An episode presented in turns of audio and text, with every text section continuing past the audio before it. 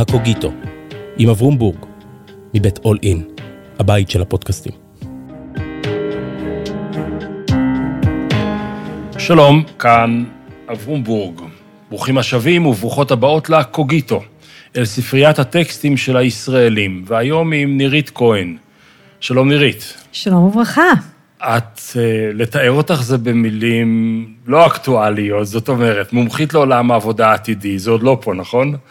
מובילה שיח חדשני על עולם העבודה המשתנה, האופן שאנחנו משתנים עם העבודה ועם השיח, גם בקריירה, גם בארגון, גם במדיניות, והכי חשוב, אה, הפודקסטרית של אה, הייטק בפקקים, שאני שומע בריצה. בריצה אין פקקים, אבל אני שומע.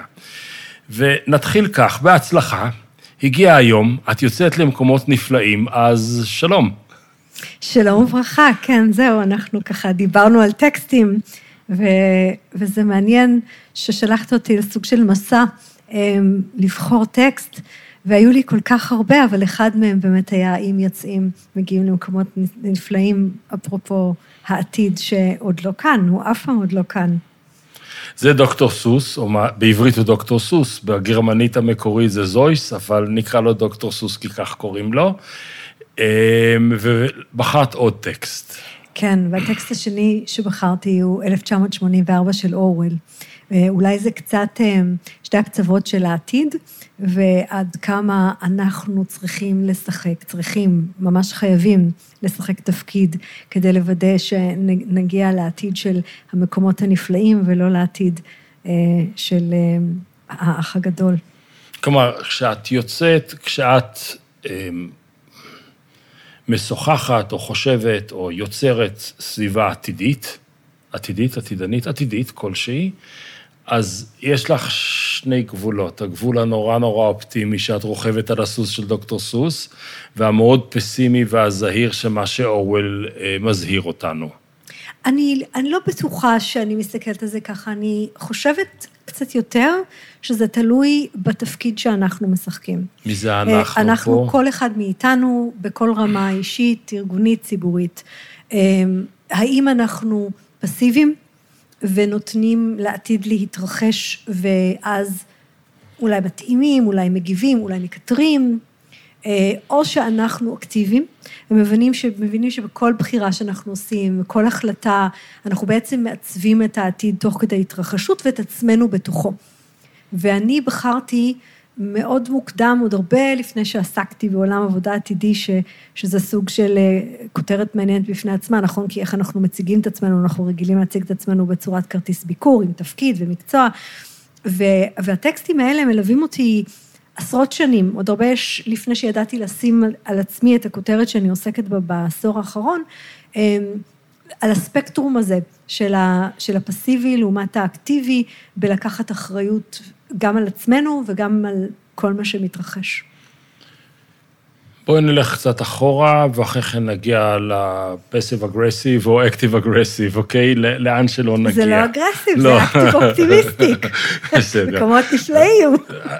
מאה אחוז. אה, אגב, כשאני מראיין אנשים או שמבקשים להיוועץ, אני שואל שאלה שהיא מעט אחרת, אבל היא באזור החיוג, אתה שכיר או אדון? כלומר, אתה... בעל הבית, אתה יזם, אתה לוקח אחריות, או שאתה רוצה שמישהו יחליט בשבילך? שזה שאלות דומות לשאלות האלה, אבל זה רק איפה אני אשים אותך במיקום הארגוני. אמ, ספרי כמה מילים על אורוול, מי הוא, למי שמקשיבינו שלא יודעת או לא יודע, ומה דוקטור סוס רוצה במסע הנפלא שלו. אז אני אמ, למדתי את 1984 של אורוול עוד בתיכון. ו... והסיפור... היום עוד מלמדים אותו, ש... זה, או שזה נחפש לא, אקטואלי מדי? זה לא היה בארץ, אה, כן. אני לא יודעת מה מלמדים בארץ, אפילו לא בטוחה שאי פעם לימדו אותו, אבל אה, כן, היום, היום זה באמת קונטקסט מאוד מעניין. אה, אבל אני למדתי אותו לפני המון שנים. איפה? למדתי אותו בבית ספר אמריקאי, אני גדלתי בשגרירויות ישראל בכל מיני מקומות. אז בארצות הברית הוא היה טקסט... בטקסט לתיכון. כן. מעניין. ואגב, אני הייתי מה שנקרא Class of 1984, זאת אומרת, אני, בארצות הברית אתה אה, מקבל את שם הכיתה לפי השם שבה אתה מסיים נכון. אה, בית ספר, ואני הייתי אה, Class of 1984, ואנחנו למדנו את, את הספר הזה. ואז זאת אומרת, כבר היינו ב-1984, אבל, אבל זה ספר שמדבר על 1984 כעל קונספט של איזשהו עתיד. אה, מזכירה לכולנו, 1984, בקושי מחשב, מסך ירוק מהבהב על לא, שחור. בואי נלך אחורה. כאילו- הוא כותב אותו ב-48, כן, כן. והוא מהפך את שתי הספרות, וזה הופך ל-84, וזה רומן על שלטון טוטליטרי, קיצוני. הכל אסור חוץ מהמעט שגם הוא בקושי מותר, אסור לחשוב, רק יש מפלגה אחת. נכון, והרבה מאוד מהאלמנטים של החיים הופכים להיות, זאת אומרת, הם, הם נשלטים, זה, זה באמת עד כדי חשיבה, אבל אני חושבת שנייה אחת, אם נלך רגע דקה אחת מחוץ לחלק המילולי, הוא בעצם מדבר על עתיד אה, מפחיד, שבו אנחנו מאבדים את החירויות שלנו, שבו אנחנו מכונה קטנה, זאת אומרת, הוא... את החירויות של היחיד, של כן, האינדיבידואל. של, של היחיד, כן. האמת היא שהרבה מאוד חירויות, זאת אומרת, אתה, אתה מוצא שם רק, יש רק אמת אחת, זה האמת של, ה, של השלטון, של המנהיג שלא ברור אפילו מי הוא, זאת אומרת, הכל מאוד אמורפי, אבל, אבל העתיד הוא מפחיד, אנחנו, אין לנו שום שליטה, אין לנו שום חירות, ו, ובעצם זה, זה סוג של מסע שהוא הניסיון להחזיר, להחזיר את הזכות, ובעצם חוסר, זה אגב ניסיון שנוחל נוחל קש, כישלון, זאת אומרת, אותו... בסוף. אה, כן, הוא כאילו לא מצליח, הוא בעצם הופך להיות חלק מהמכונה. אמ, ומהזווית הפחות מילולית של הסיפור, אפילו נגיד קצת, אנחנו היום באקטואליה, אז באקטואליה אפשר לדבר על שלטון, אבל אם אפילו רגע שנייה אחת נצא משם, זה פשוט אמ, העתיד כמשהו מפחיד. אגב, יש הרבה מאוד, אה, צ'רלי צ'פלין עשה מזה סרט, נכון? הדיקטטור המכונה. הגדול. בדיוק, ואת המכונה, הטכנולוגיות נכנסו, זמנים. העתיד מפחיד, זמנים מודרניים, כן. זמנים מודרניים. אמ, בעצם הסיפור הזה של שינוי ושל אוטומציה וטכנולוגיה הולכת עד כדי האח הגדול ומשטרת מחשבות וכולי, אגב, האח הגדול זה לא תוכנית טלוויזיה, זה ביטוי שלקוח נכון. מהחזון האורווליאני. נכון, בדיוק, כן. שמהאח הגדול כל הזמן יודע מה אתה עושה ומה אתה חושב. חדר 101. ו, ובעצם אמ, אנחנו רואים, אנחנו רואים גם היום בכל מיני דברים שנכנסים, שוב אני רגע, אני זזה מעולמות הפוליטיים, אני נשארת בעולמות המשתנים עם הקצבים המהירים והטכנולוגיה, שאנחנו מדברים על אה, היכולת שלנו להתחבר באיזשהו אופן, אפילו אה, נגיד פיזית למחשב, אנחנו מדברים על פייסבוק וגוגל שיודעים עלינו הכל, וגם היום השיח הזה, אנחנו מדברים עכשיו בתוך מהפכת ה-AI, אוי ואבוי, אה, הנה כל הדברים שיקרו. יש הרבה פוטנציאל לדברים מפחידים שיכולים לקרות, בלי, שוב פעם, בלי קשר לשלטון ופוליטיקה. אנחנו נגיע לזה טיפה, אני מקווה, יותר מאוחר, אבל כשהוא כותב את זה ב-48, ניקח לרגע את הזמן. לפני שלוש שנים נגמר נגמרה הדיקטטורה הנאצית, ועולה עכשיו הדיקטטורה הקומוניסטית שאורוול ירא ממנה. נכון. והוא כותב, זה כתב אזהרה פוליטי ממדרגה הראשונה. נכון. הוא לא טכנולוגי, הוא לא תרבותי, הוא, הוא ממש עוסק במנגנון הכוחני של המדינה ואימיה. נכון, רק, רק אני חושבת שבמבט לאחור על הטקסט הזה, זאת אומרת, אנחנו לא מדברים היום ב-1984, אנחנו מדברים ב-2023, ב-2023, כשאנחנו מסתכלים על זה, הכוחות הם הרבה יותר פוטנציאלית רחבים מאשר רק הפוליטיקה. זאת אומרת, אה, במקרה עכשיו במדינת ישראל אנחנו נמצאים בסיטואציה שהחזרנו את השיחה של הפוליטיקה למרכז הבמה, אבל אם דקה אחת נצא מעצמנו ונסתכל יותר רחב, אז כוחות כמו בימי, בידי מי כל הכוח, והאם אה, חברות אה, אה, מדיה חברתית יודעות עלינו כל מיני דברים, האם ענקים שעוסקים בכסף יודעים עלינו כל מיני דברים, האם מחר כשנחבר את עצמנו יותר ויותר לאינטרנט וזה יקרה, כן, האם פתאום נאבד שליטה, אנחנו מדברים הרבה מאוד סיפורים שהתפוצצו בשנים האחרונות של עיצוב תודעה באיזשהו אופן שבו אתה קונה משהו לא בגלל שאתה צריך, אלא בגלל שזה מתחבר לך באמצעים מתוחכמים לאיך אתה רוצה לחיות, או מי אתה רוצה להיות. זאת אומרת, הסיפור הזה של, של האח הגדול במשטרת המחשבות, הוא הרבה יותר רחב מפוליטיקה, וככל שהכלים משתנים, אז השחקנים בזירה הזאת הם הרבה יותר רחבים מאשר המשטר הטוטליטרי. את סוחבת אותי למקום שאני מת להיסחב אליו, אבל אני עוצר בעדי, אז אני שם לנו אוקיי. חומר לאיזה מחשבה עתידית, אולי נעשה פודקאסט משותף של הקוגיטו והייטק בפקקים, והוא שבמה שאת מתארת הוא הדבר הבא. ב-48' הצבעתי לכוח שידעתי איפה הוא נמצא. המפלגה, המדינה, הארגון, ידעתי איפה נתון הכוח. היום הכוח, מכיוון שהוא מידע, מכיוון שהוא אוסף עליי דברים, מכיוון שהוא נמצא במקומות אחרים, הפוליטיקה שלי לא קשורה לאיפה שנמצא הכוח, ולכן אין לי יכולת כאזרח להשפיע על הכוחות שמעצבים את חיי. וזה שינוי משטרי. במרחב עוד יותר גדול מאשר פוליטיקה, משמעית. כי גם הפוליטיקה עושה את זה, אנחנו רואים את אבל זה. היא, היא כמעט נהייתה שולית, היא לא, מה אכפת לי מה מירי רגב יודעת עליי, כשגוגל אספו עליי הכל, או, או מי שלא יהיה. זה קצת תלוי במה הם עושים עם זה. נכון. כי כשאתה מדבר על אה, האם האיראנים אה, מעצבים את חלק מהשיח הרש, הרשתי על ה... על ה אה, אז בואי נשאיר את זה- זה שם, אבל רק כן. אני חושב שהסטרוקטורה, המבנה הפוליטי השתנה, את- מה שאת מתארת הוא שינוי כן. אה, המשטר העולמי. כן, אבל או, שימי- הגורמים שמשפיעים עליי שימי- כפרט ועל שימי משטרת עליו- המחשבות שימי שלי. אותו בצד. כן. עכשיו, ב-1990, אה, דוקטור סוס כותב, Oh, the places you'll go, ולאה נאור מתרגמת, אם יוצאים, מגיעים למקומות נפלאים. זאת אומרת, אם פעם יהיה לי כוח, אני אכתוב על התרגומים של דוקטור סוס, שהם שונים מהמקור, כי זה קשה. כן. הוא... תכף, אני, תכף אולי נסביר למה הוא קשה, אבל זה הספר האחרון שהוא פרסם בחייו. הוא דומה נורא ושונה לחלוטין.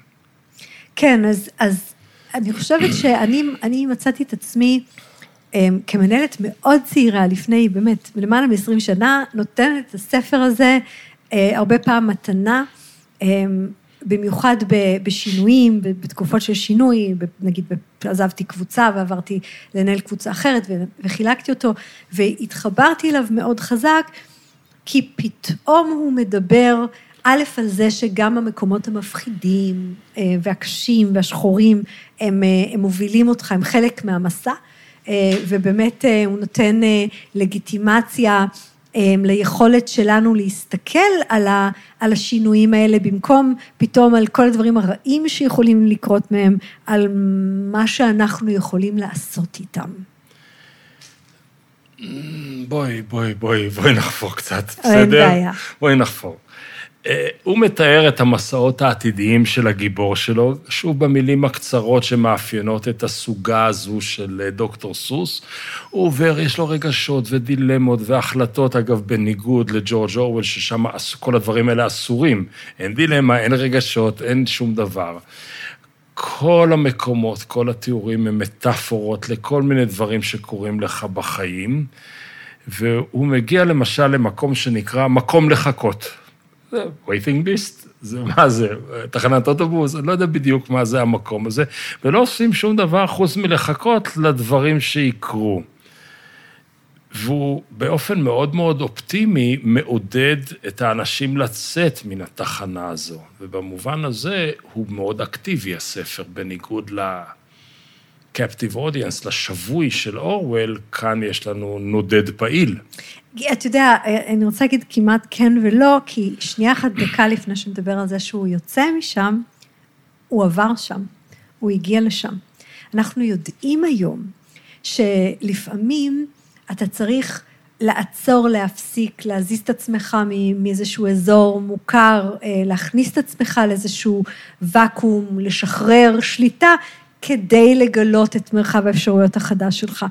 אה, לימדה אותי מנטורית לפני הרבה שנים, אה, באנגלית זה no more, now what. לפעמים אתה צריך, אה, אני אגב מהאנשים שמאוד קשה להם עם אובדן שליטה, ודווקא המקום הזה, אז לפעמים המקום לחכות הוא, גא- הוא גאוני, ואי אפשר להגיע ללצאת ממנו בלי לעבור דרכו. תיתקל במקל קוצני במיוחד, זה המשחקי מילים מיוחד, מיוחד, הקבוצה תתקדם, תישאר שם לבד.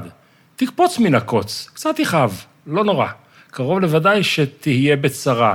כשאתה בצרה לא נעים בכלל. לצאת מצרה זה לא כל כך קל. הוא, הוא לא מוותר לך, זה יהיה קשה. נכון? אבל בסוף, בסוף, בסוף, בסוף, קורים דברים נפלאים. נכון. ואיזה שיעור, איזה שיעור מטורף. זאת אומרת, אף אחד לא אמר שזה לא, אם אחזור ככה לאורוול, ששם אנחנו אמרנו, אוי ואבוי, תראו לאן הגענו, זה לא שאנחנו אומרים פה, זה happily ever after, אתה יודע, כזה הכל ורוד ו- וקליל ו- ו- ובאות פיות ופותרות לך את הבעיה. זה לא, יש לחכות ויש בצרה ויש חשוך ויש מפחיד ויש מפלצות, אבל ההתמודדויות האלה וההבנה שאתה כן, שצריך להיות אקטיבי, אני חושבת שזה היה בשבילי ה... אמ, יותר מהשינוי, ושוב, אני, אתה יודע, זה, זה, פה, אני, אני קראתי את הטקסטים האלה לפני עשרות, עשרות שנים, ואני עוסקת בעולמות המשתנים היום. וחלק מהסיפור הזה של אה, האם השינויים הם אוי ואבוי, ואני רוצה את מה שהיה, ואני רוצה את היציבות, ואני רוצה את המוכר, ואני יודע המון דברים, אבל אף אחד לא צריך אותם יותר, אז בואו נבכה על זה. או שאני אומרת, אבל אני לא מציירת לכם תמונה שהעולם המשתנה הוא ורוד ונפלא, אני לא, אבל הוא משתנה. בין אם הוא ורוד ונפלא ובין אם הוא לא, ועכשיו מה אתה עושה עם זה? בואי נשאר עוד רגע בספרים, ואז נצא לעולם הרחב.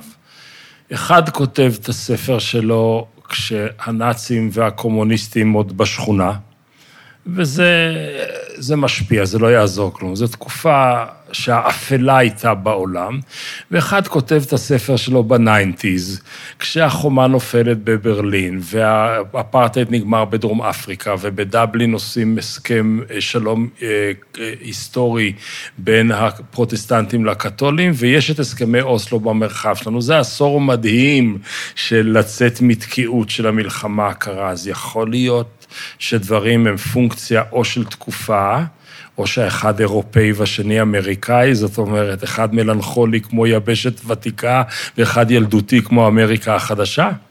תראה, אם אתה, אמ, אם אתה נצמד לחלק אה, של הפוליטיקה באמת ושל הסביבה, אז אמ, אין ספק, ש, אין ספק שבאמת הם היו עשורים מאוד שונים. אמ, אני חושבת שאנחנו... בכל רגע נתון היום, יש לנו הרבה יותר שותפים שמעצבים את הסביבה הזאת שלנו. זאת אומרת, מה שכן משותף גם לשנות ה-90 וגם לשנות ה-40-50, זה שהכוח של האדם אל מול המערכות הפוליטיות הגדולות, הוא היה, אמ, האדם היה הרבה יותר קטן, היה לו הרבה פחות קול. אני חושבת שזה מאוד שונה מהעולם שאנחנו חיים בו היום. ובשני המקרים אמ, אנחנו היום יכולים לשחק, יש לנו הרבה יותר משחק ותפקיד, ואתה מדבר על פוליטיקה עכשווית, אנחנו רואים את זה, אבל אפילו לפני זה, הכוח של האדם הקטן הוא יותר גדול לא רק אל מול היכולת שלו לעצב את הדרך של עצמו ולבחור אם הוא רוצה להיות אמ, נכנע למשטרת המחשבות או, או יוצא למקומות נפלאים, אה, הוא גם יותר גדול ביכולת שלו לשנות את האם יש משטרת מחשבות, אה, או שיש עולם שמאפשר לו לצאת, ללכת לאיבוד ולצאת משם. אז אה, אני חושבת שבשני המקרים, אמנם הפוליטיקה הייתה מאוד שונה, אבל בשני המקרים הפוליטיקה שיחקה תפקיד מאוד חשוב, והיה לה יותר כוח אל מול הפרט, ואני מאמינה שזה מאוד שונה היום. שמה היום? מה בעצם... שלאדם יש הרבה יותר כוח כפרט, אמ, גם על עצמו וגם על סביבתו, זאת אומרת, הפירמידה בחלק מהמקרים היא אפילו, אמ, אפילו התהפכה. זאת אומרת, היכולת שלך לעצב, נניח אם נלך למדיה, כן, פעם היה, היית צריך להיות עיתון ועורך עיתון וכולי, והיום כל, כל אחד כותב, הנה בבקשה, כל אחד משדר ברדיו, נכון? אתה לא צריך שמישהו ירשה לך בשביל להשמיע את קולך ולייצר תוכנית אירוח. אז היכולת של כל אדם בעצם לעצב את, התחיים, את, את עצמו, את סביבתו, ואפילו את המרחבים היותר רחבים, להשמיע קול ולייצר... משטרת מחשבות זה ממש קשה לעשות היום, אנחנו רואים את המשטרים שמנסים, נכון? אתה צריך ממש לנתק את האנשים מהאינטרנט, אתה צריך לחסום להם את היכולת, ואתה לא יכול באמת לעשות את זה. ובמובן הזה, שנת 90 ושנת 50 היו דומות. היא בהקשר הזה היית הרבה יותר תלוי בכוחות הגדולים, מאשר אתה תלוי בהם היום. אני חושבת שזה חדשות מעולות. אתה מאורהר. אני, אני תוהה אם להתווכח איתך או סתם לא להסכים איתך. אין בעיה. זאת אומרת... זה אותו דבר. אני אגיד לך למה, כי את מתארת משהו שהוא נשמע על פניו ליניארי. שם היינו, פה אנחנו, ואני חושב שאנחנו עובדים באיזושהי מערכת צנטרופוגלית שבה אנחנו בתנועה הופכית. מצד אחד אנחנו מאוד מאוד קדימה, כפי שאת מתארת, אני שולט על המדיה שלי, על, הר... על, בילונג, על השייכות החברתית שלי, אני שולט אפילו על החשבונות שלי, אני שולט על מיליון וחצי דברים, ומצד שני אנחנו מאוד מאוד מאוד אחורה, כי כנגד הפתיחה העצומה הזו עולים כוחות שהשמרנות של שנות החמישים נראית גן עדן תוסס ופרוע לעומתם, ואתה רואה את זה דווקא במקומות הלכאורה יותר פתוחים. אני כמעט רוצה להמר, בלי שאני יודע יותר מדי, אני יודע את זה מסטודנטים שלי, שהשמרנות בסין פחות קשה מהשמרנות בישראל. נכון שגם הפרוגרסיביות בסין פחות פרוגרסיבית. ואני חושב שהתנועה שאנחנו חיים בה היא גם מאוד מאוד אורווליאנית וגם מאוד מאוד סוסית. כן. אני, אגב, אני, אנחנו אפילו לא מתווכחים, אני ממש מסכימה okay. איתך. אוקיי. אני חושבת אבל שהם עובדים ביחד. זאת אומרת, שנגעת בזה בדיוק, דווקא בגלל שיש היום כוחות מאוד חזקים אה, לפתוח אה, את, ה, את, ה, את הדלת, את המחשבות וכולי וכולי, אז, אז מולם נעמדים כוחות שמרניים מאוד מאוד חזקים. וזאת שאלה מאוד מעניינת לאן זה ייקח אותנו, אבל הכלים היום הם, הם, הם, הם אחרים מאוד, והם פחות מוחזקים בידיים של מעט. אני חושבת, פה אני חוזרת לאצל מי הכוח.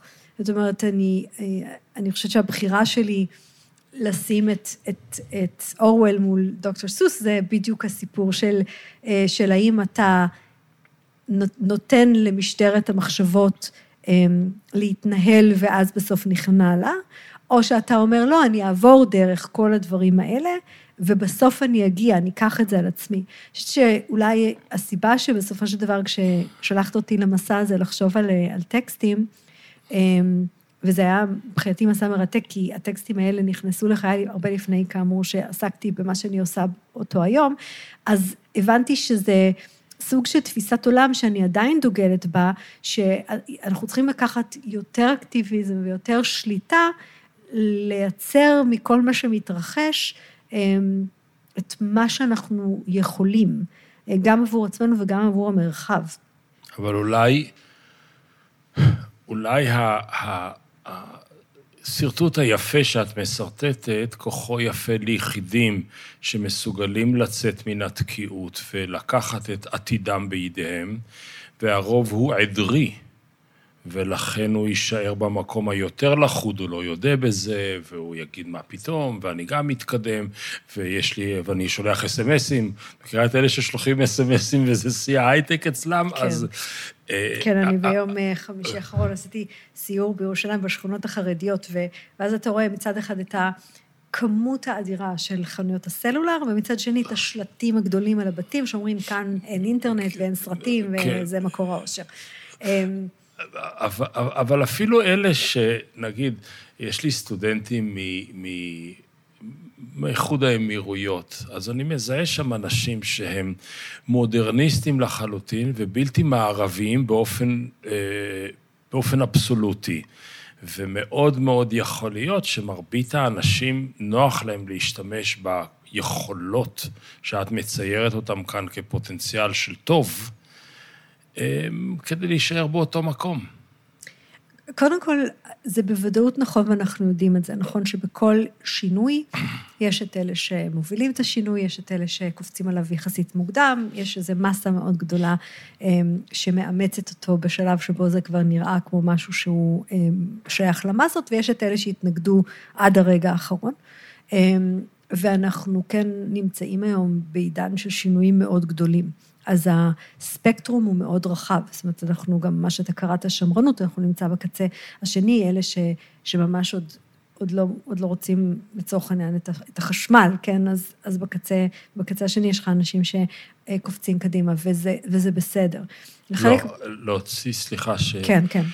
להוציא את החשש שהכוחות, אם יש את כוחות הקדמה, אז יש את כוחות הנסיגה, איך זה עובד? מה הפוך מכוח של קדמה? נגיד, הכוחות היותר שמרנים, כן, אפילו יותר, להישאר במקום. יותר או- נסוגים, כן. ישתמשו בטכנולוגיות המתקדמות כדי להשמיד את הרעיונות המתקדמים. כן, אני מבינה. אני חושבת שאנחנו לומדים על שינוי.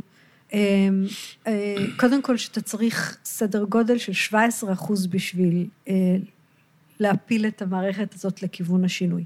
זאת אומרת, אתה לא צריך לשכנע את הבלתי משוכנעים.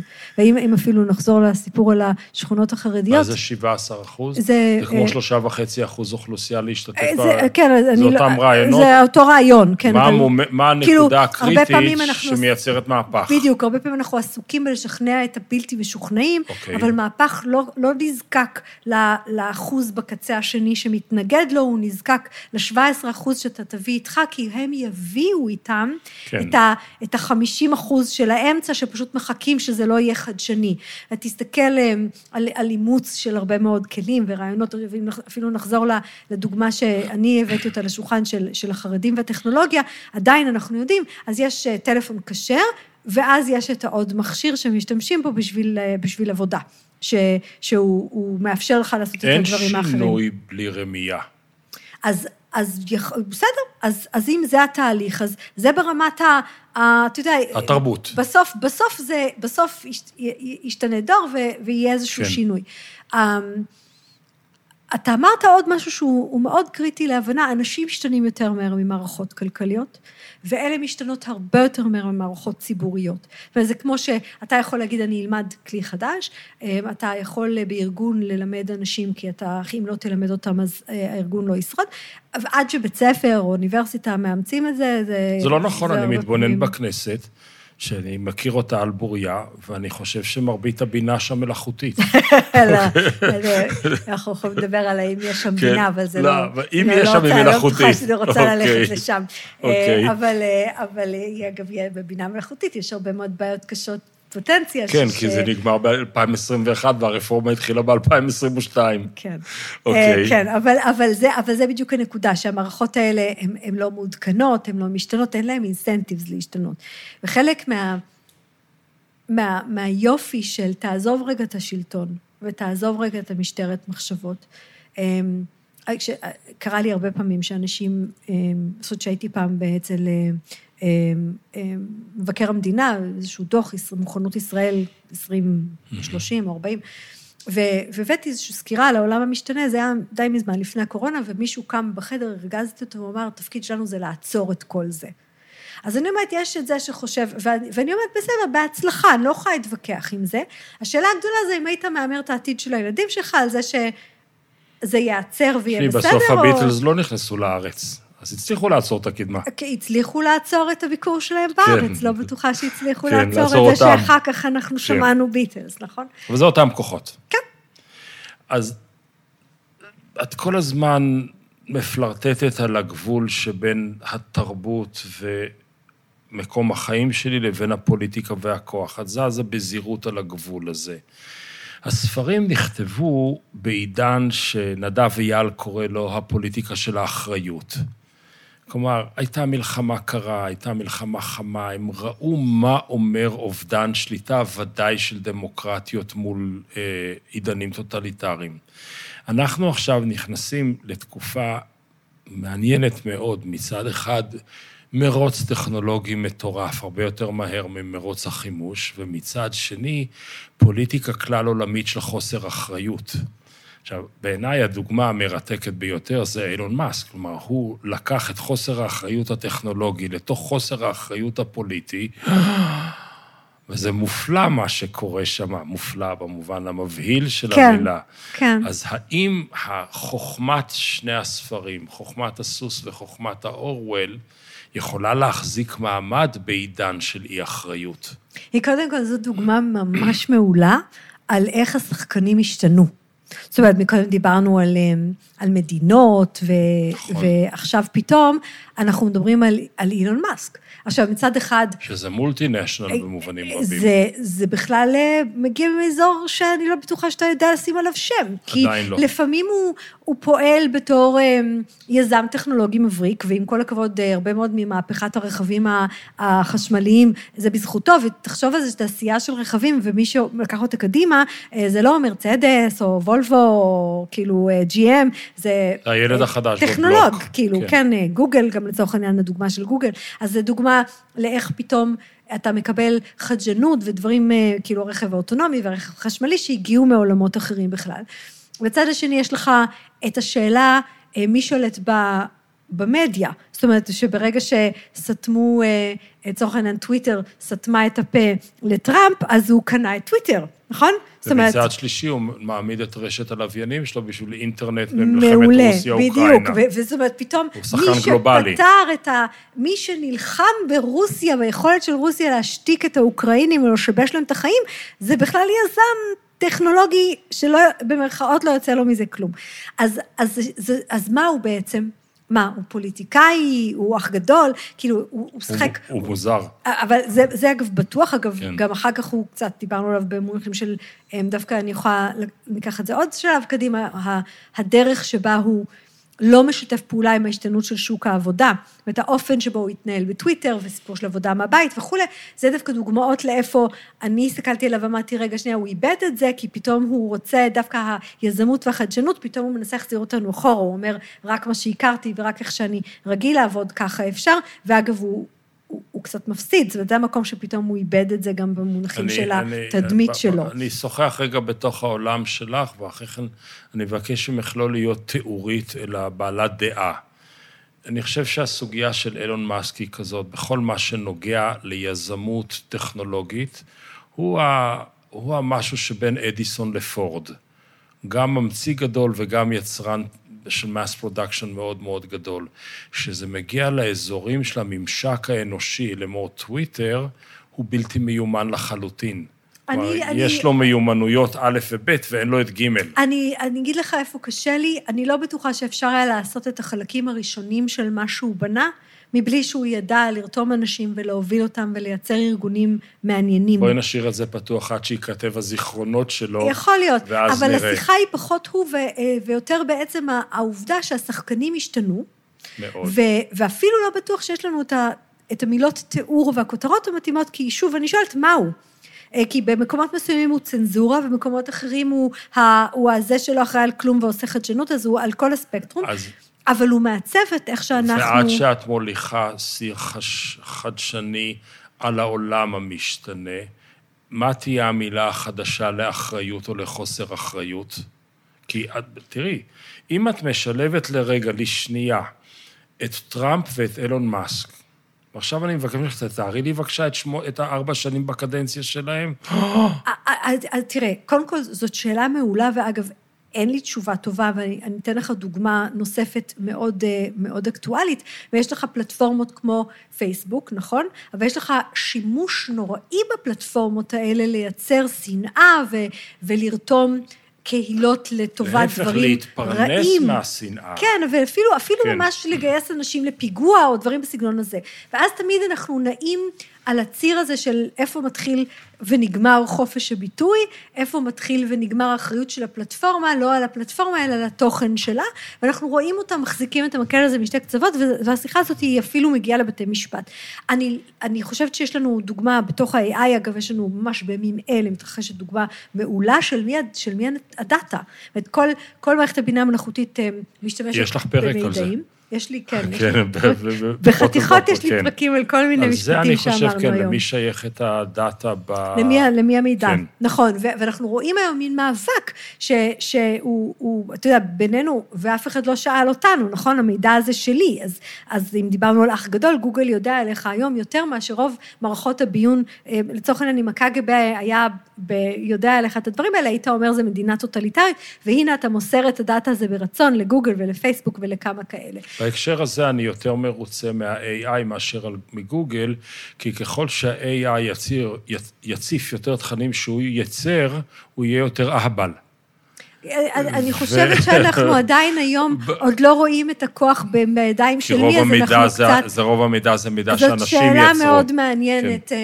מי בסוף ישלוט במידע, בכלל כל... תהיה רגולציה. כן, אמן, אבל חזרנו לכמה זמן לוקח למערכות גדולות להשתנות, וכמה זמן, פר, פר, כמה נזק ייגרם עד שתגיע הרגולציה. פירקו את חברות הטלפון, ותהיה רגולציה אה, כן, בזה. כן, ואנחנו נראה, אנחנו מתישהו, כן, פשוט אני מסתכלת, תסתכל על סושיאל מדיה, אין היום עדיין רגולציה, וקורים שם כל מיני דברים. כן, כי אם תהיה... ומה שלעיתון מותר לעשות, אסור לעשות, מותר לטוויטר לעשות. כי הם יודעים, הקונגרס והסנאט יודעים שאם הם ישבו חזק מדי על צוקרברג, אז, אז הסינים ייקחו את הרשתות האלה, ושם לגמרי לא תהיה להם שליטה. נכון. לכן, לכן יש כאן גבול דק נכון. מאוד של... נכון.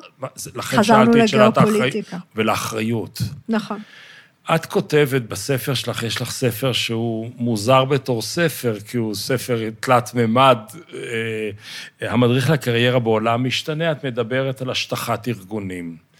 אז זאת שאלה מנחה. תגידי רגע משהו על השטחת ארגונים, ואני רוצה ללכת עם זה הלאה. האמת היא שזה כבר הרבה מאוד שנים שאנחנו יודעים בסופו של דבר ששכבות ההיררכיה בארגון הן מאיטות. הן מאיטות קבלת החלטות, הן מאיטות זרימת מידע, הן גם אה, מייצרות אה, חסמים להשתנות מהירה, וה, והסיפור הזה של איפה, כי היררכיה זה סוג של בעלות, אתה, אני המנהלת שלך, אז אני אגיד לך... כי הילד בן ה-21, שבסוף צריך להציף את זה ל-100 אלף איש ברשת החברתית, מבין בקליקים יותר מאשר המנכ"ל בן ה-800 שנה. גם אז זה. מי, ו... אז, מי, אז איפה המשקל? וגם הרבה פעמים, אה, אני, יש דברים נורא חשובים שהארגון צריך לעשות אותו, אבל אנשים עושים דברים הרבה פחות חשובים, רק בגלל שזה מה שהגדירו להם בתוכנית השנתית לפני חצי שנה, ובינתיים העולם השתנה פעמיים. אז הסיפור הזה של מעבר לארגונים רשתיים וליכולת שלנו לעבוד אחרת, היא כוללת אה, לחשוב אחרת על, באמת על ניהול ועל התארגנות. בת זוגי שעוסקת הרבה מאוד בעניינים שלך, פעם אמרה לי משפט שהעסיק אותי המון. אומרת, אנשים נכנסים לעבודה, שנה הם לומדים את כל הטעויות האפשריות, ואז הם חוזרים עליהם 20 שנה ושמים בקורות חיים 20 שנות ניסיון. רגע, לא, זה 20 שנות מחזור טעויות, ולא 20 שנות התחדשות. אמ, אני לא סתם שאלתי את שאלת אמ, השטיחות של הארגונים, העולם שטוח? תום פרידמן כתב, כן. אה, העולם שטוח. כן. יש לי איתו סיפור מאוד מצחיק אז אנחנו ידידים מאוד מאוד טובים. ואני אומר לו, תום, זו תפיסה של אמריקאים שהולכים לחדר כושר ורוצים להשטיח את הבטן. אז הבטן שלך שטוחה, אבל העולם הוא גבעי. יש פונדמנטליזם, ויש גיאוגרפיה שקובעת, ויש היסטוריה שמעצבת, ויש תודעות, ויש נגטיב ופחדים. העולם לא שטוח. אני לא... כאילו, אני מסכימה עם מה שאמרת, אבל... אמ, אנחנו, זוכרים את התקופה שבה באמת באמת המרחב שיכולת להתייחס אליו היה המרחב הפיזי ברדיוס שסביבך.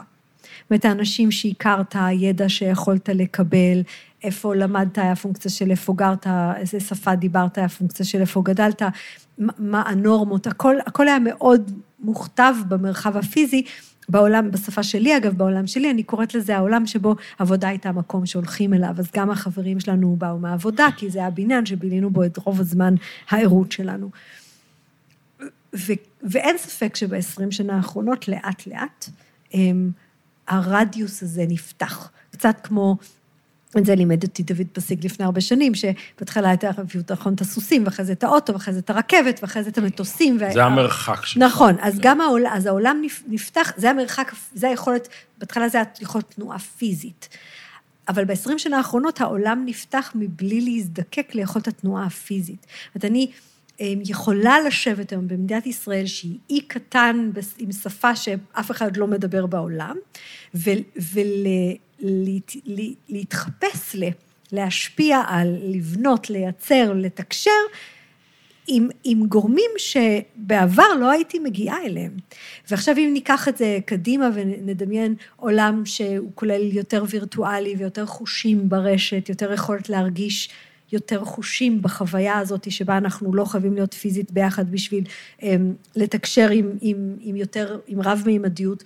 תוסיף לזה יכולת שלי לדבר עברית ומישהו ישמע אותי בסינית וזה יעבוד ממש טוב. אז, אז העולם במובן הזה הוא כן משתטח. עכשיו, אתה צודק, יש המון חסמים שהם תרבותיים והם הם, הם, התנהלותיים, ואפילו דיברנו קודם על הציר של שמרנות, ויש את, את הקבוצה אל מול הפרט. אי אפשר לקחת את מה שמאפיין אותנו כקבוצות.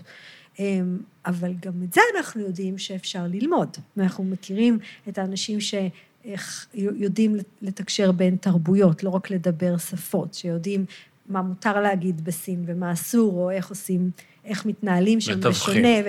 אז, אז ה, ה, יחד עם זה שאתה יכול לזוז במרחב הזה יותר בקלילות, אתה צריך ללמוד את הכלים החדשים שישרתו אותך. ואתה לא יכול רק להגיד, גוגל יתרגם אותי לסינית, כי בסינית זה לא רק המילים שעוברות. אז, אז זה חלק מהתפיסה שלי שהילדים, אולי הנכדים, אה, שיעבדו בעולם עוד יותר שטוח בשביל להצליח שהם יצטרכו מיומנויות ויכולות שאנחנו לא נזקקנו להם. אני רוצה לדחוף קצת אה, את התיאור הכמעט אוטופי הזה.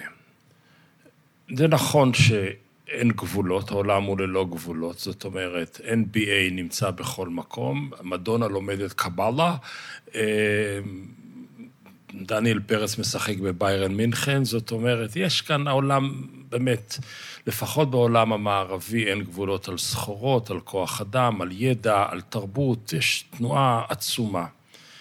מצד שני, יש גם התכנסות אדירה, באיזה מובן? כל החברים שלי בפייסבוק הם כמוני. כל הפיד שלי זה מה שאני אוהב לקרוא. נכון. האינסטגרם שולח לי את החתולים שבפעם הראשונה אה, ראיתי שני חתולים, ומאז אני מקבל סרטונים על חתולים עד יומי נכון, האחרון. נכון, נכון. אנחנו קוראים לזה האקו צ'מברס. אז, אז ההתרחבות המתוארת, השובר בצידה הוא התכנסות כמעט מצמצמת, מצמצמת אופקים.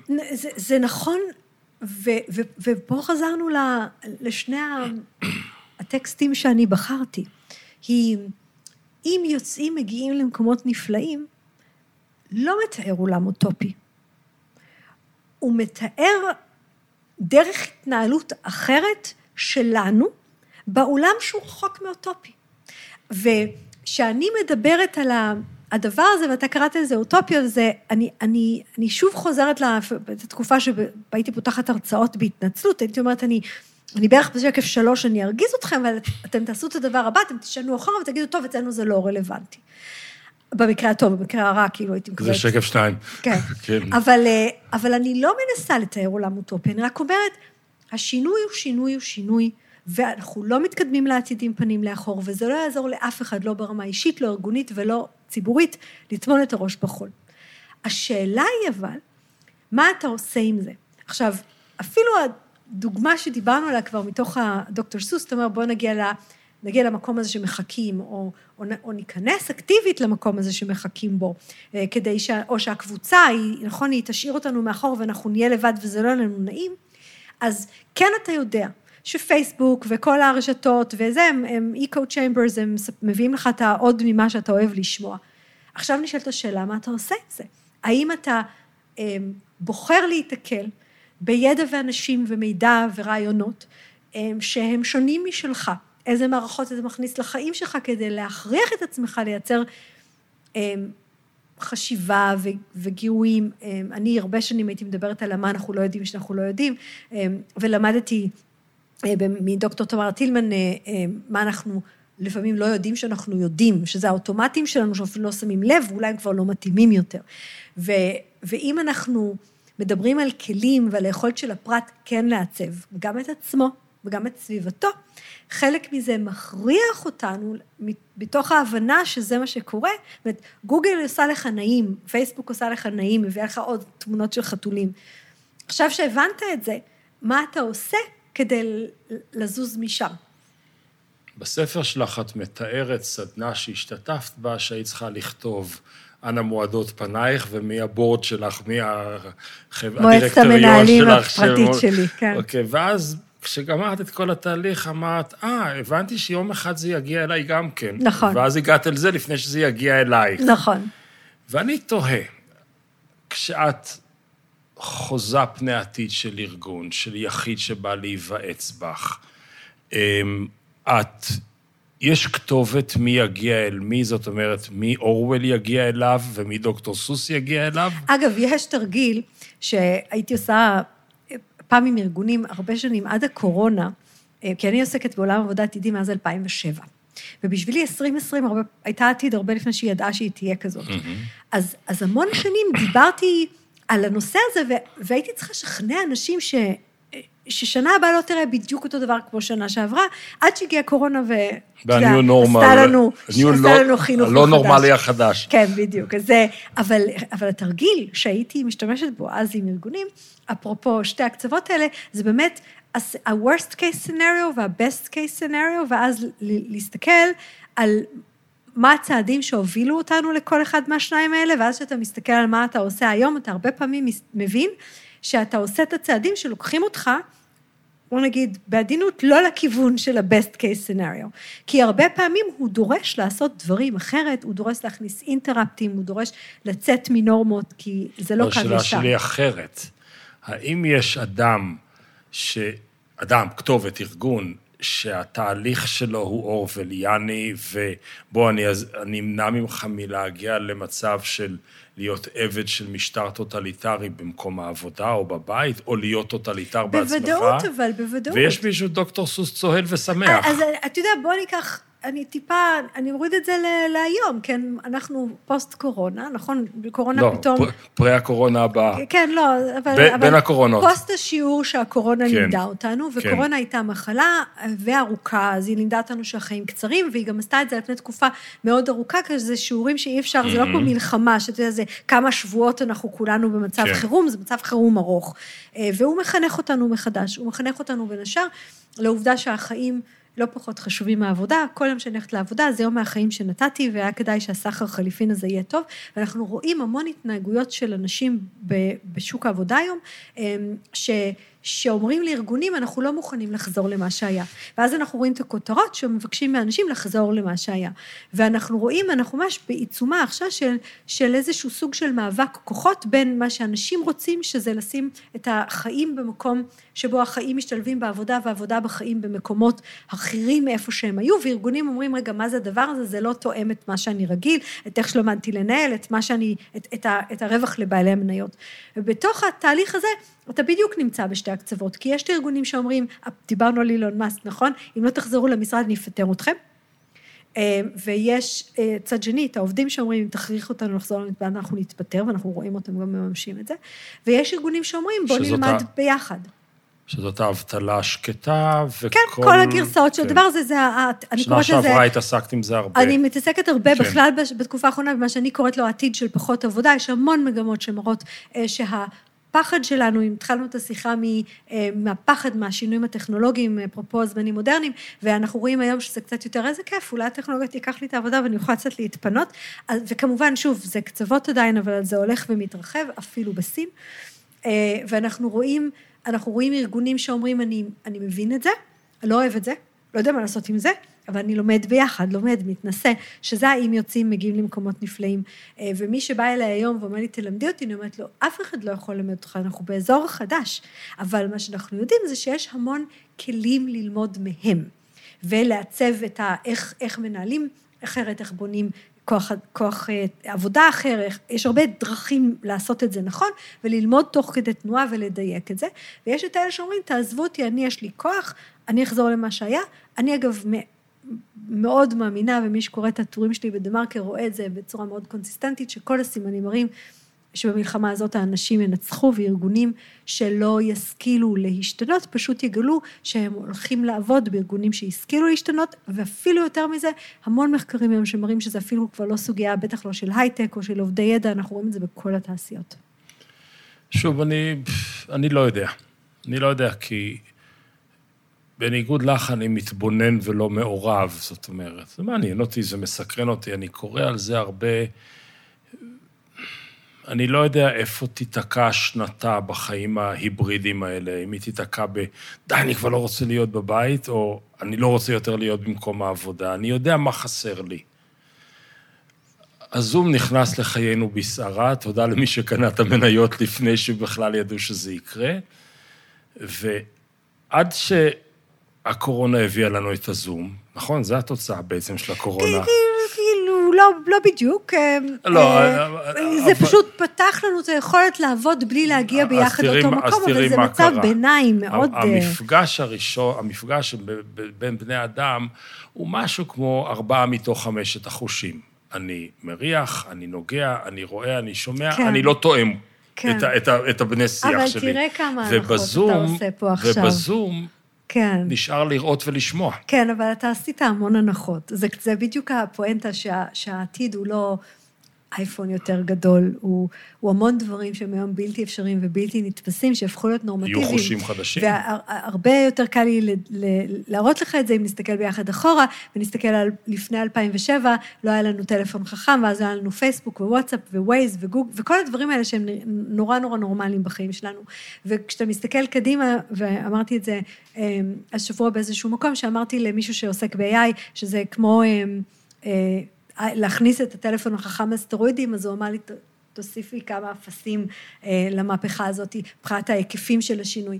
ההנחה שלך אומרת, אם אני לא מגיע לעבוד עם אנשים, אז הרי בסך הכל אנחנו חיות חברתיות, ואני רוצה פגישה עם אנשים, וזה ממש לא כיף. זום, כולנו, נמאס לנו ממנו, וגם לא כולם אוהבים לבוא מהבית, ולא כולם, זה טוב להם.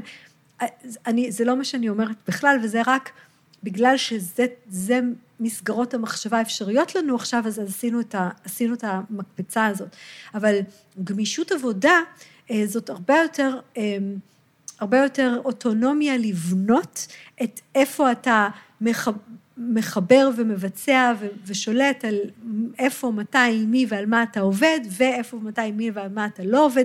אה, דווקא אחת מההגדרות היותר טובות ששמעתי לא מזמן לגמישות, זה באמת הזכות שלי להחליט שאני לא עובד כשאני לא רוצה לעבוד, שזה לא אותו דבר כמו, בשום צורה, כמו עבודה היברידית או כמו עבודה הצד מהבית. השני של הירח הזה, הייתה לי שיחה עם איזה חברה שעובדת במקום שבאים בבוקר, הולכים בערב, יש חופש כפוי בסוף אוגוסט, כי... סוגרים, כן. והיא אמרה לי, איזה כיף לך, אתה חי את החלומות שלך ואת החיים שלך ואת העולם שלך. אמרת לה, את יודעת איך זה קשה לקום כל בוקר ולהמציא את עצמך מחדש ולסדר לעצמך סדר יום? זה... אתה צריך להיות יזם של עצמך, זה כבד. נכון, והנה הגענו ל... אני לא רוצה כזה, ולכן אני רוצה שזה לא יקרה. אז אחד הדברים שאנחנו יודעים זה שקריירות יימשכו הרבה יותר שנים. זאת אומרת, עד כדי, אם, אם להורים שלנו הייתה קריירה של 30, נגיד 35 שנה, כן, אפילו כל מערכת הפנסיה הייתה בנויה על זה נכון. ש-35 שנה מקסמת את הפנסיה. הקריירות של הילדים שלנו יהיו יותר קרובות ל-60 שנה. ואז אתה, אתה לא רוצה לעבוד, זה לא כאילו אנחנו, הם יעבדו כמו שאנחנו עבדנו פי שתיים, אין מצב. הם רוצים לעבוד בתקופות מסוימות פחות, כי הם צריכים נכון. ללמוד ולהתעדכן, והם רוצים גם פנאי. זה אני אז- מסכים. ואז הדרך שבה אנחנו מגדירים את המערכת הזאת, היא צריכה להשתנות. וזה כרגע שיח שאנשים מתחילים לדבר אותו, וארגונים לא, לא מבינים אותו, ואז אנחנו ישר הולכים ל... אנחנו חיות חברתיות, רוצות להיפגש, המקום הראשון שבו לא זה אוהבים כבר. קרה, זה במבנה המשפחתי. פעם התחתנת בגיל 13-14, ומטת בגיל 33 כמו אלכסנדר מוקדון. יאללה, 20 וכמה שנים שנות משפחה, תודה, שלום ולהתראות. היום אתה חי 800 שנה, אז אתה אומר, רגע, אני עדיין צריך לחיות עם אותה משפחה שהייתי בן 20? התשובה היא לא, ולכן את רואה מבנים משפחתיים חדשים בגיל השני והשלישי. כן, ו- ואגב, אפילו המשפחה- קונספטים, ב- לי- כאילו, אני מדברת על קריירה, נכון? אז, אז הרעיון הזה שפעם קריירה הייתה, למדת בשנות ה-20, עבדת את ה-35-40 שנה שלך, ואז יצאת לפנסיה לעשר שנים. היום כשאנשים חיים עד גיל 80-90, אתה לא יכול לממן 30 שנות פנסיה, במובן נכון. של האי-עבודה מ-30 שנות עבודה. תשאלי את מקרום מה הוא מנסה לעשות עכשיו על ה... וזה- שזה זה. כן, ואנחנו כן. רואים את זה, אנחנו רואים את זה בקופות, אנחנו רואים את זה קצת בקופות הפנסיוניות, אבל הפנסיה. אנחנו גם רואים את זה במונחים של איך שאנשים עובדים, ועכשיו אני חוזרת למשפט שאמרת, לא כל אחד רוצה להיות יזם, ואני רוצה להגיד שעוד פעם, אם אתה רוצה להיות תלוי בגיל 50, 60, בזה ששומר סף כלשהו בגיל 30 ומשהו יקבל אותך לעבודה, לא בטוח שזה טוב לך, אמ, ואנחנו רואים קריירות הופכות להיות קריירות של, באנגלית קוראים לזה סלאשרס, כאילו הגם וגם וגם, אנחנו כן. רואים אנשים עושים כל מיני דברים. אז המילה יזם, היא, שוב, היא לקוחה מהלקסיקון של הפעם, או שאתה שכיר או שאתה עצמאי. הלקסיקון החדש, יש בו הרבה יותר שפה לכל מיני דרכים שבה אני יכולה להתפרנס בו זמנית, יכולה להיות שכירה, יכולה להתפרנס קצת ממשהו שעשיתי פעם, להתחיל להכין את עצמי לדבר הבא שאני אעשה. אני מדברת על זה שאנחנו נרוץ על פני הרבה יותר קריירות, מחזורי הקריירות מתקצרים, נרוץ הרבה יותר קריירות במהלך החיים, ולכן רובד מסוים של, של עוד פעם, של לקחת אחריות על הרלוונטיות התעסוקתית שלך, אנחנו רוצים יציבות כלכלית ו, ולפעמים גם יציבות מסוג אחר, ואני אומרת, תגיע, אתה יכול לקבל אותה, אבל לא, לא ממעסיק ולא ממקצועות טובים ככל שיהיו, עם היכולת שלך להישאר רלוונטי בשוק התעסוקה, ולכן חזרנו ללהיות אקטיביים. כל השיחה ניסינו לפענח את הכלים של פיצוח העתיד. ואני רוצה, אמרתי לך לפני שהתחלנו, שאולי אני אתן לך מתנה בסוף, ה, בסוף הדבר, מי פיצח את דוקטור סוס לפני דוקטור סוס, בסדר? עכשיו מגיע התלמודיסט שבי, שאוהב את הטקסטים ומה הם עושים, ודוקטור סוס כותב ככה, לפעמים זה קורה, תשחק לבד. לא תוכל לנצח כי אין אף אחד. לבד, אם תאהב זאת או לא תאהב, לבד זה המצב שתהיה בו זמן רב. כשתהיה לבד, יש סיכוי לא רע שתראה דברים מפחידים נורא. יש כאלה בדרך בין שם ובין הלאה, שיפחידו אותך להמשיך למעלה, וכולי וכולי. והנה שיר נבואה קוסמי. כמו עמוד ענן, כך תלך לפני העדר. תבין הכל, תדע, לא תאמר מילה אחת. כמו עמוד ענן, תיעלם בתוך החדר. משהו בך יאמר לך, המשך בדרכך. הו, לך ישר, לך לבד, אל תפחד, או, הו, הו, אל תכעס, לך תמים, לך אחד. בלי להתכוון, תן לעצמך ללכת. כל החישובים ייגמרו מעליהם. כמו העץ שקם לתחייה מן השלכת, משהו בך יאמר לך, המשך. מוכר לך? מקסים, מקסים. אני לא עשיתי את החיבור הזה אף פעם, אז זה ממש... זה אלי מוהר כן. ו... אלי מוהר ומי? כוורת בסוף, אבל... אה, כן. זהו, נכון זה זה? מקסים. נכון, בדיוק, בדיוק. וואי, איזה כיף של שעה. איזה כיף השיחה הזאת, אני מודה לך על המסע שלקחת אותי אליו. את, את סללת את הדרך, אני רק אה, חיברתי את הטכנולוגיות. אה, אנחנו יודעים שלשאול שאלות זה אומנות בעולם הזה. אנחנו נשוחח עוד ממש המון תודות. תודה רבה. להתראות.